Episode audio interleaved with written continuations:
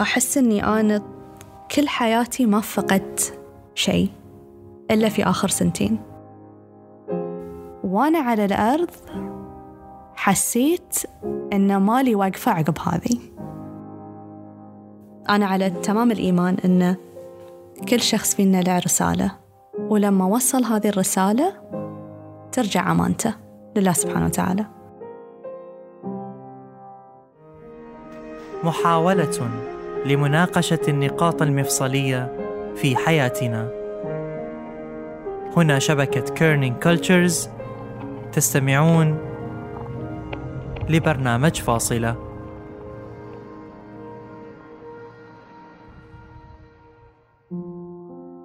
ما زلت أؤمن أن الإنسان لا يموت دفعة واحدة، وإنما يموت بطريقة الأجزاء. كلما رحل صديق مات جزء وكلما غادرنا حبيب مات جزء وكلما قتل حلم من أحلامنا مات جزء. فيأتي الموت الأكبر ليجد أن كل الأجزاء ميتة فيحملها ويرحل. هذا النص لجبران خليل جبران. لما تسأل شخص شنو يعني الفقد تعودنا نسمع الموت فقدان الأحبة. خسارة الناس اللي أحبهم. لكن في فقد من نوع ثاني.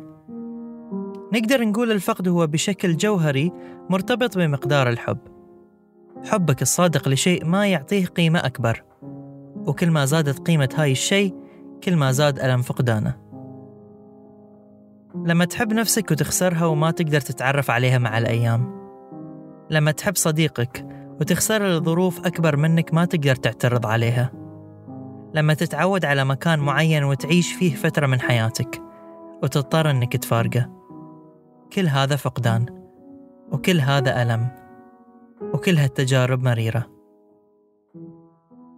يعني أنا حياتي تتمحور حوالين يمكن ثلاث أشياء أساسية.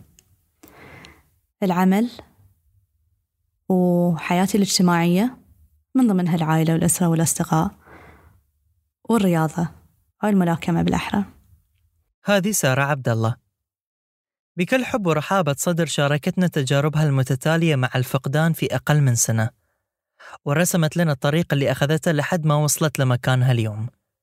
وعشان نفهم سارة ونظرتها للأمور لازم نسألها أول شيء شنو يعني الفقد؟ شوف أنا قبل كنت أعرف الفقدان بالخسارة. وبطبيعة الحال الفقدان هو الخسارة أنت لما تخسر شيء. ساعات يكون شيء كبير ساعات يكون شيء صغير ولكن فيها مكسب بعد. فأتوقع يمكن بظلم كلمة الفقد إذا قلت إن هي بس فقدان بحت. يمكن أو هاي الشيء اللي متعارف عليه بين الكل. المعنى الحقيقي لا أه، لحين أنا في رحلة استكشاف. ويقترن الفقد بالمشاعر كذلك. كل ما تغيرت المشاعر تجاه المفقود كل ما تغير معنى الفقد. هذه الكلمة بعد تتمحور على يعتمد على المشاعر اللي أنت تمر فيها وهذه بيغير المعنى. الفقد في دائما له مشاعر. لما تفقد شيء صغير المشاعر أو الشعور اللي يجيك إنه ممكن الواحد تقول أنا مثلا وين وين حطيت الشيء؟ ولا شلون ولا مضيع الشيء ودائما يكون عندك هاي المشاعر مثلا في ولوال ولا وسواس ولا هذه. لكن في فقد اللي فيه فقدت الشيء ولكن هل هي كانت خسارة كبيرة؟ لا خلاص فقدتين خلاص you moved on وفي الفقد اللي يجي معاه الحزن. وفعلا الشعور الفقدان اللي شوي يكون ثقيل. ويبي له وقت إلين ما أنت تبتدي تفهم شنو معنات الخسارة اللي أنت مريت فيها. أو شنو كم الفقدان اللي أنت مريت فيه. في أشياء لو راحت ما ترجع لكن نقدر نعيش بدونها. خاصة بعد الفقد فيها على أحجام. يعني أنا أقدر أقول أنا فقدت مفتاح أو شيء. طبعا هاي الأشياء تنسي وبسيطة وممكن حتى ما ترجع لكن هل أن لها تأثير؟ لا. أو فقدت مثلا لما تفقد صديق يمكن أنه ما فقدت للأبد ولكن فقدت العلاقة اللي بينك وبين هذا الشخص. ففقدت يمكن خصلة من هذه العلاقة. وفي أشياء لو راحت ما ترجع. ونظل نعيش على ذكراها. ولكن think في إطار اللي أنا مريت فيه كانت كلها فقدان أشياء ما قدرت أرجعها ولا قدرت أعوضها. وأشياء كبيرة اللي يعني تغرز في النفس. وفي أشياء لو راحت نكون ملزومين نرجعها عشان نظل عايشين. قاعد أبذل مجهود كبير علشان أرجعها ومنها فقد لذة الحياة.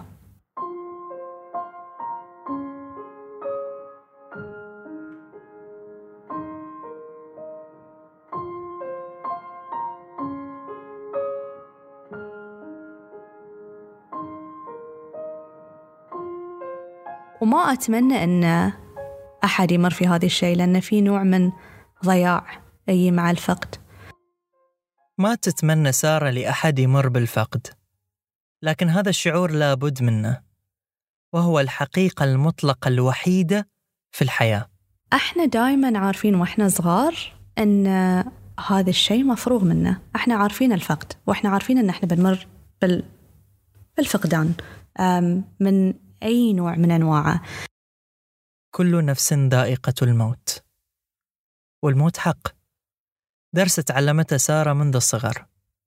لكن مع العمر هل قدرت سارة أنها تهيئ نفسها لهاللحظة؟ الموت لابد منه. إنزين وإحنا بنمر فيه. أه ولكن اللي إحنا ما نعرفه ودائما كأشخاص دائما نحس إنه لا هذا الشيء ما بيصير فينا. إحنا ما بنفقد. كأنه يعني كأن إحنا معصومين عن هذا الشيء فدائما نشوف ناس حوالينا نقول لا مثلا فلان توفى حق فلانة ولا فلان آه، لا قدر الله خسر أخوه ولا خسر يدته ولا هذه. فدائما نشوف أن هاي الشيء بعيد عنا فعلى قد ما إحنا نقدر نتعاطف ويا الناس اللي مثلا فقدوا ونزعل ونحزن لكن الأمر يختلف تماما لما إحنا نمر فيه. والشخص عمره ما يكون مستعد حق الفقدان بهذا النوع. ما في شيء يهيئ شخص علشان يفقد شخص قريب منه. وأنا هذا الشيء مريت فيه. مريت في الفقدان المفاجئ ومريت بالفقدان اللي كان عندي يمكن فترة إن أهيئ نفسي والاثنين كانوا صعبين.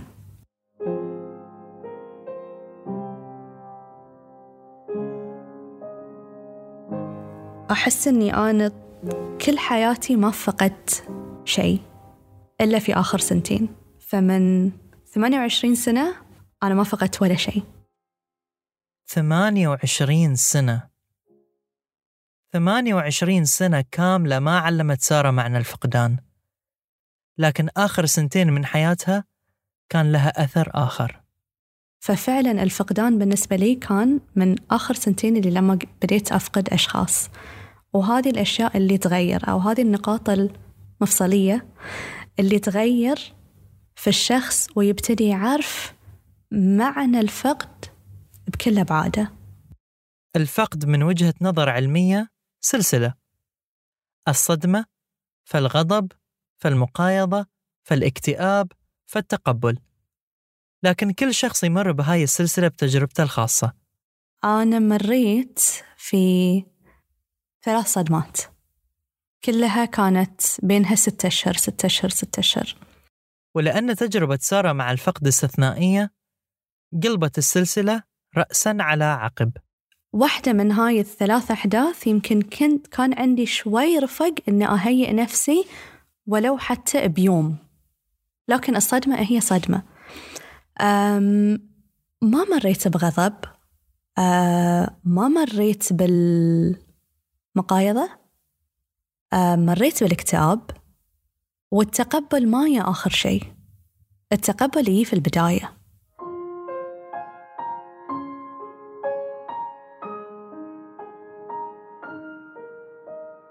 الفقد الأول. الصديق العزيز وشريك العمل. فقد مفاجئ. فمن بدايتها أنا فقدت يمكن من أعز أصدقائي آه، حسن الحريري الله يرحمه. وكانت فعلا يمكن أول صدمة أمر فيها بهذه الحجم في حياتي.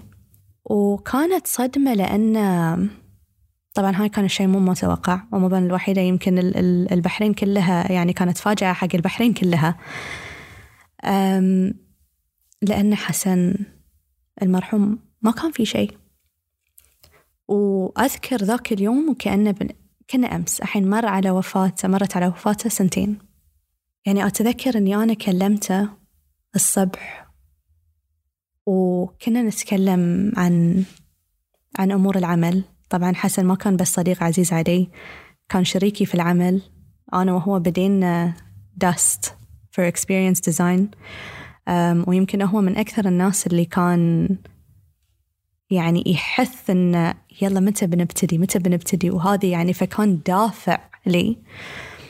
فالمهم فكنا كنا نتناقش عن أمور العمل وقلنا إن هاي كان الصبح. وقلنا العصر إحنا بنتلاقى على قهوة علشان إنه آه، كان عندنا مشروع كان نشتغل عليه. فبين أول مكالمة وبين الوقت اللي إحنا كان المفروض نلتقي فيه يمكن أربع إلى خمس ساعات. آخر شيء تلقيت مكالمة من أحد أصدقائنا وأعطاني الخبر خبرني بوفاته.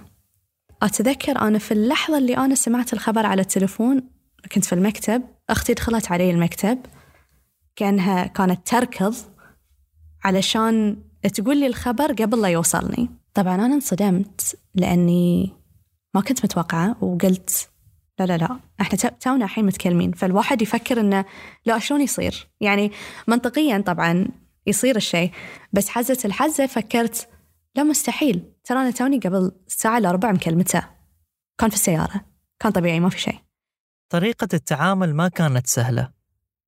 لكن ظلت سارة تحاول تتأقلم مع الخيط اللي انفقد من حياتها اليومية. فقدان حسن الله يرحمه كان ما عرفت شلون أتعامل وياه. بما أنه أول مرة أفقد وأول مرة إني أنصدم وأول مرة إني أفقد شخص قريب مني. هو بالنسبة لي من ضمن حياتي اليومية. غير إنه هو كان صديق غير إنه هو كان من نفس الدائرة الاجتماعية اللي أنا كنت فيها. غير إنه هو تركت أنا عملي كنت أشتغل في شركة تركتها وبديت هذه الشركة معاه فكل شغلي كان معاه. فيوميا إذا ما كان طول اليوم إحنا على تواصل. الحين دائما إحنا شلون نتعامل ويا الفقدان مثلا؟ أو الحزن. عادة إحدى الوسائل إن إحنا نشغل نفسنا. نشغل نفسنا للدرجة إن إحنا ما يمدينا ولا يسعينا إن نفكر في أي شيء ثاني. فما نبي نكون في في ننعزل بروحنا وننعزل ويا أفكارنا. فإيش نسوي؟ نشغل نفسنا. لكن إذا حسن هو كان عملي يتمحور حوالينا فحين شلون أتعامل معه؟ أنا هذا الشيء انحرمت منه. انحرمت سارة من الهروب للعمل لأن كل شيء كان يذكرها في حسن الله يرحمه. وكل شيء كل شيء كل شيء كان يذكرني فيه. كل شيء حتى من ربعنا من الناس اللي نقعد وياها من كل شيء. المكتب العمل مشاريع هذه الأعمال التطوعية اللي كنا نسويها. الحين ويلبى الواحد يتعرف على اللي هو قاعد يمر فيه يتعامل ويا الصدمة يتقبل يتعامل ويا مشاعره ويسيطر عليها وفيها انضباط نفس بعد وبعد يخترع آلية جديدة علشان يتعامل مع الوضع. فهذه كان بالنسبة لي جدا جدا جدا صعب.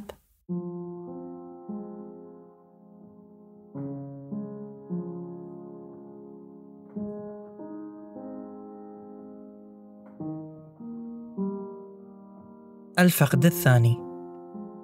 فاجعة أحد عمودي العائلة الوالد. فقد بعد تهيئة. أسبوعين من بعد وفاة حسن الله يرحمه كانوا محددين موعد حق عملية جراحية حق أبوي حق الوالد. أه، كانت العملية المفروض عملية قلب.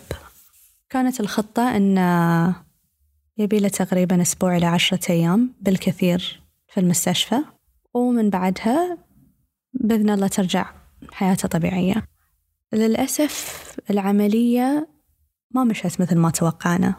آه، فكانت في بعض بعض التعقيدات في العملية. فطول في المستشفى وحالته بدأت تنتكس.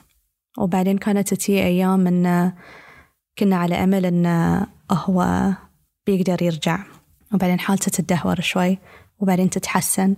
فكان إحنا طول الوقت في حار بارد حار بارد. يوم متأملين ويوم ما أقول لك نفقد الأمل يعني يمكن الأمل فقدان اكشلي كبير. وبين الترقب والأمل ظلت سارة تشغل نفسها عن الصدمة السابقة لحين ما استقبلت صدمة أخرى. وقضيناها في هذه المرحلة حق ستة أشهر. في هذه الستة أشهر أبوي كان في المستشفى. فالانشغال يعني بطريقة مختلفة. الانشغال عن وفاة حسن الله يرحمه. فانشغلت في المستشفى. يمكن طبعا ما كانت الآلية المناسبة علشان أني أنا أتعامل ويا فقد شخص من أعز الناس لي. ولكن يمكن أدى الغرض بطريقة ما. انشغلنا في المستشفى لمدة ستة أشهر. إلين ما أبوي الله يرحمه كان في ذمة الله.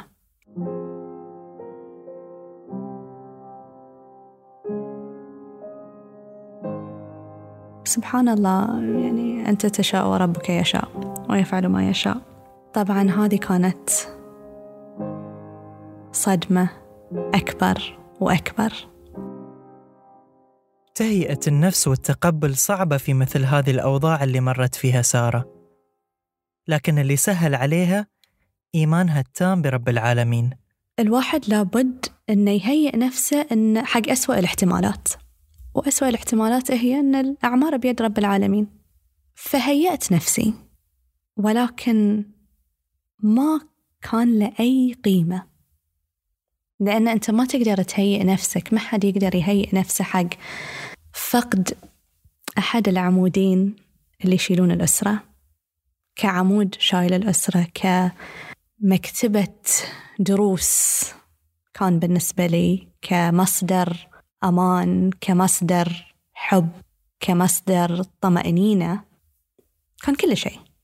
في حياتي أنا ما توقعت أني أنا ممكن أفقد أحد والديني في هذه المرحلة من حياتي. وعلى الرغم من هاي كله ما قدرت سارة تحصل معنى للي صار. يعني أنا أشوف مثلا أشوف جدتي وأشوفها وهي شافت أحفادها وشافت عيال أحفادها و... ولا زالت موجودة. فهذا الشيء اللي أنا تخيلته حق يعني من والديني. يعني على قد ما حاولت إني ألملم وحاولت إني أعطي معاني حق هذه الفقد أو إن أعطيه أعطيه وزن. ما قدرت.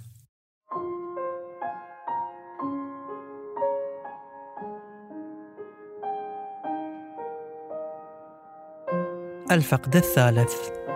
المدرب والقدوة. فقد مفاجئ. كان عندي مدرب وايد وايد قريب مني. وعلاقة المدرب مع أو علاقة المدرب معي كانت علاقة استثنائية أو أي مدرب كان قدوة بالنسبة لي. في في أشياء كثيرة. طبعا مو بس في الرياضة. وساعدني على التأقلم مع الوضع الاستثنائي اللي أنا كنت فيه. منها من ناحية. مثل ما كنت أتمرن وأمرن جسدي كان لازم أمرن عقلي. هاي بروحه كان يبي تمرين آخر. فهو كان عون كان عون لي في هاي الشيئين. وكان لعب دور أساسي في شلون أنا تقبلت اللي مريت فيه. ستة أشهر من وفاة أبوي الله يرحمه. المدرب توفى.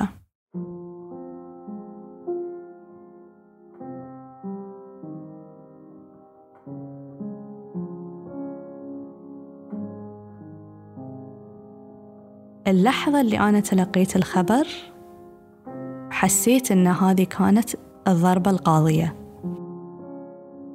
توالت الضربات والصدمات على سارة. ضربة أولى وثانية وطاحت سارة بالضربة الثالثة أو مثل ما سمتها الضربة القاضية. في ملاذها وملجأها الأخير. ما تأقلمت مع أول صدمة؟ علشان أتأقلم مع الثانية علشان بعد آخذ لي صدمة ثالثة. فهذه كانت بالنسبة لي الضربة القاضية. وفعلا كنت على ركبي على الأرض. وأنا على الأرض حسيت إن مالي واقفة عقب هذه. حسيت إني طحت ومالي واقفة بعدها. جسديا ومعنويا. الحين مرت سنة بالضبط على آخر صدمة. وأشوف روحي الحين وأعرف وأنا على قناعة إن هي ما كانت القاضية. لكن بعد سنة تيقنت سارة أن الضربة ما كانت قاضية. الحين الثلاث أشياء اللي أنا حياتي تمحورت حوالينها كل شخص اللي خسرته كان يلعب دور في محور واحد وكل هذه اللي خسرتهم. مثلث حياتها انهار والصدمات تركت آثار ما ممكن تنمحي بسهولة. وما فقدتهم فقط فقدت نفسي فقدت هني اللي فقدت لذة الحياة. واللي كان أعظم من هذا كله فقدان النفس. لما ما عادت سارة تعرف نفسها وفقدت معاها لذة الحياة. وبعد النفس ما في شيء ممكن تقراه يعلمك شلون ترجع نفسك. شلون تعرف نفسك على نفسك شلون ترجع حق هذه ما في ما في طريق سالك وسيدة علشان إنه يعلمك هذا الشيء. كلها أجزاء صغيرة ضايعة. تعال أنت شلون تقعد تلملمها علشان ترجع هذه النفس أو هذه الروح اللي أنت فقدتها. ولذة الحياة كانت من أهم الأجزاء في نفس سارة وشخصيتها. كانت كان عندي حب حب للاستطلاع للاكتشاف لل للسفر لل وايد أشياء. هذه كلها فقدته مع أني كنت متقبلة وواعية وعارفة كل اللي أنا قاعدة أمر فيه. قدرة أن تقدر أنت تشوف التفاصيل تقدر تشوف الجمال اللي حوالينك ترى هذه كلها أشياء وتفاصيل أنت تمر فيها هي مو بشيء مو بشيء مادي. ما في مانيوال ولا كتاب يقول لك أنت شلون تتعلم شلون تتلذذ في الحياة ولا شلون يخليك إن تكون عندك روح مثلا مرحة روح تحب تستكشف وتستطلع على أشياء مختلفة. هذه كلها أشياء يعني على على مدى السنين أنت تقدر تكسبها أو على مدى السنين أنا قدرت ان أكسبها. فلما فقدتها وايد صعب إني أنا أرجعها مرة ثانية.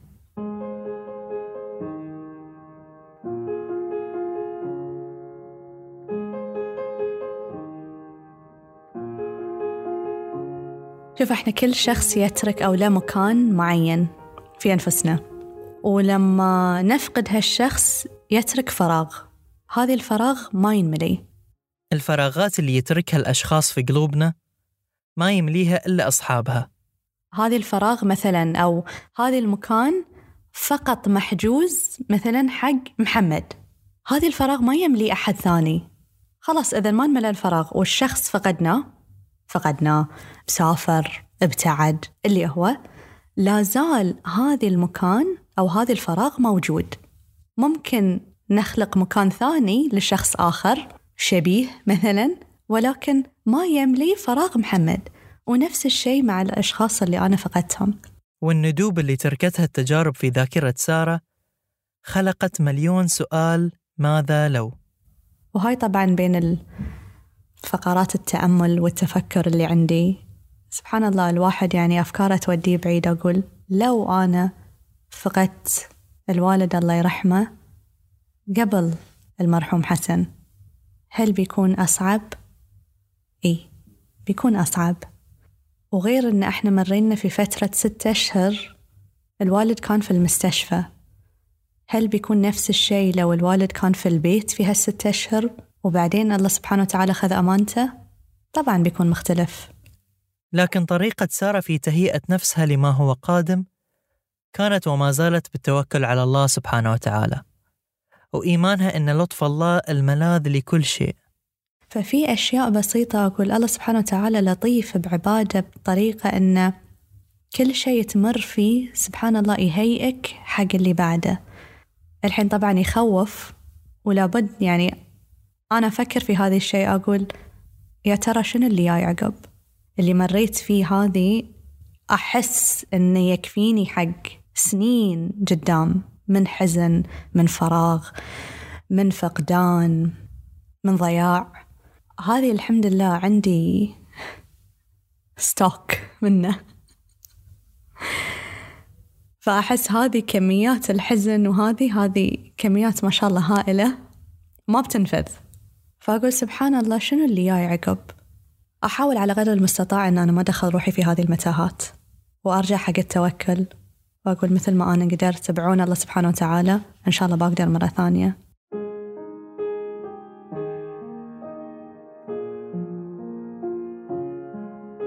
شوف هي كل شخص رحلته مع الفقدان والتأقلم رحلة تختلف تماما. ما في شخصين فقدوا مثلا أب بعيد الشر. رحلتهم نفس الشيء مع الحزن والاكتئاب والتأقلم والتقبل. كلنا بنمر بسلسلة الفقد لكن اللي يميز سارة طريقتها في تحويل نقاط الضعف إلى مصدر قوة تستمد منها طاقتها. للمضي مهما طال الانكسار. وإذا الشخص يمر بضعف كل من يمر بنقطة ضعف. هل إنه هو شيء إحنا لازم نستحي منه؟ لا. طبعا هذا الشيء الثاني يعني أنا اللي تعلمته أنه قبل أنا أشوف الضعف المفروض الواحد ما يخش يخش نقاط ضعفه ما يراويها حق أحد. لكن مثلا اللي أنا مريت فيه انكسرت. انكسرت مرة مرتين ثلاث مرات. هذه أنا ما أقدر أخشه. ولا أن أنا بابدي أن أنا أقوى من يعني أن أراوي نفسي بأقوى صورة وأني أنا ما انكسرت ولا ما زعلت ولا ما مريت بمرحلة اكتئاب. نعم. مريت بكل هذه المراحل ولا زلت أمر فيها.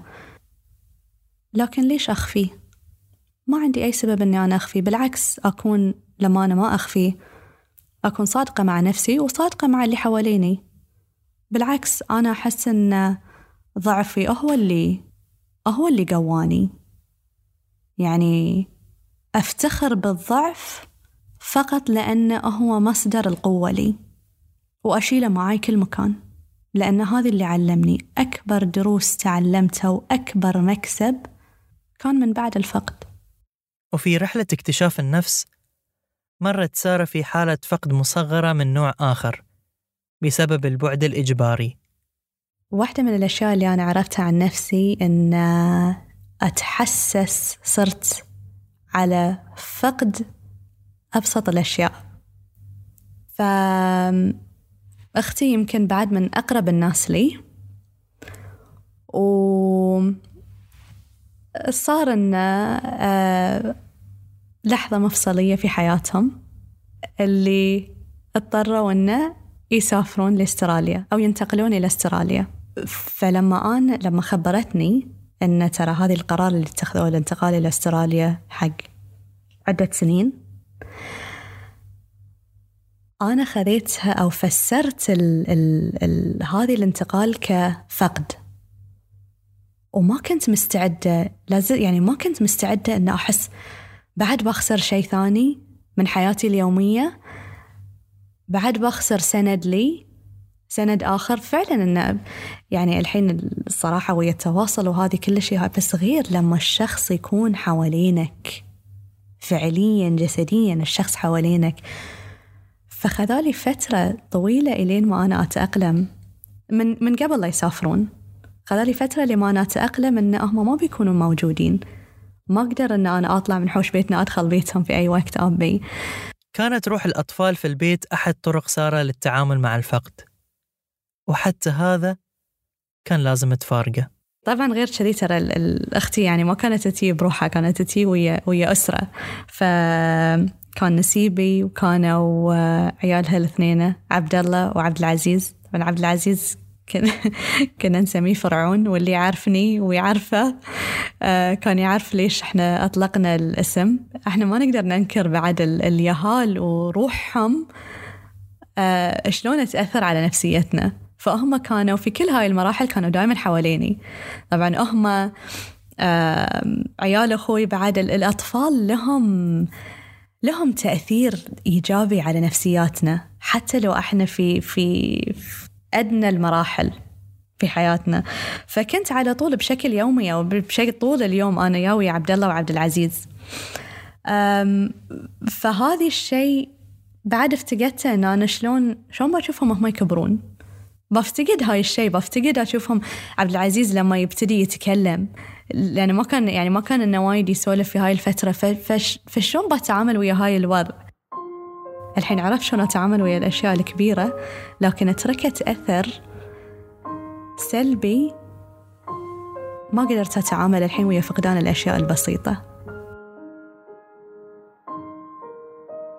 الصدمات اللي مريت فيها أحس إن تكفيني حق خمس عشر سنين قدام. وطبعا هذه الرحلة أو رحلة الحزن ما انتهت هني. هذه الحلقة مو هدفها الحزن. هدفها نعيش مع سارة تجربتها اللي لابد أن نمر فيها جميعا في سير الحياة. ونتذكر تجربتنا المشابهة لها. ونتذكر دائما أن إحنا مو بروحنا. أنت مو بروحك. وأنت مو بروحك. في الحلقة القادمة نسمع الجانب الآخر من تجارب سارة اللي ممكن تساعدنا في المضي أماما.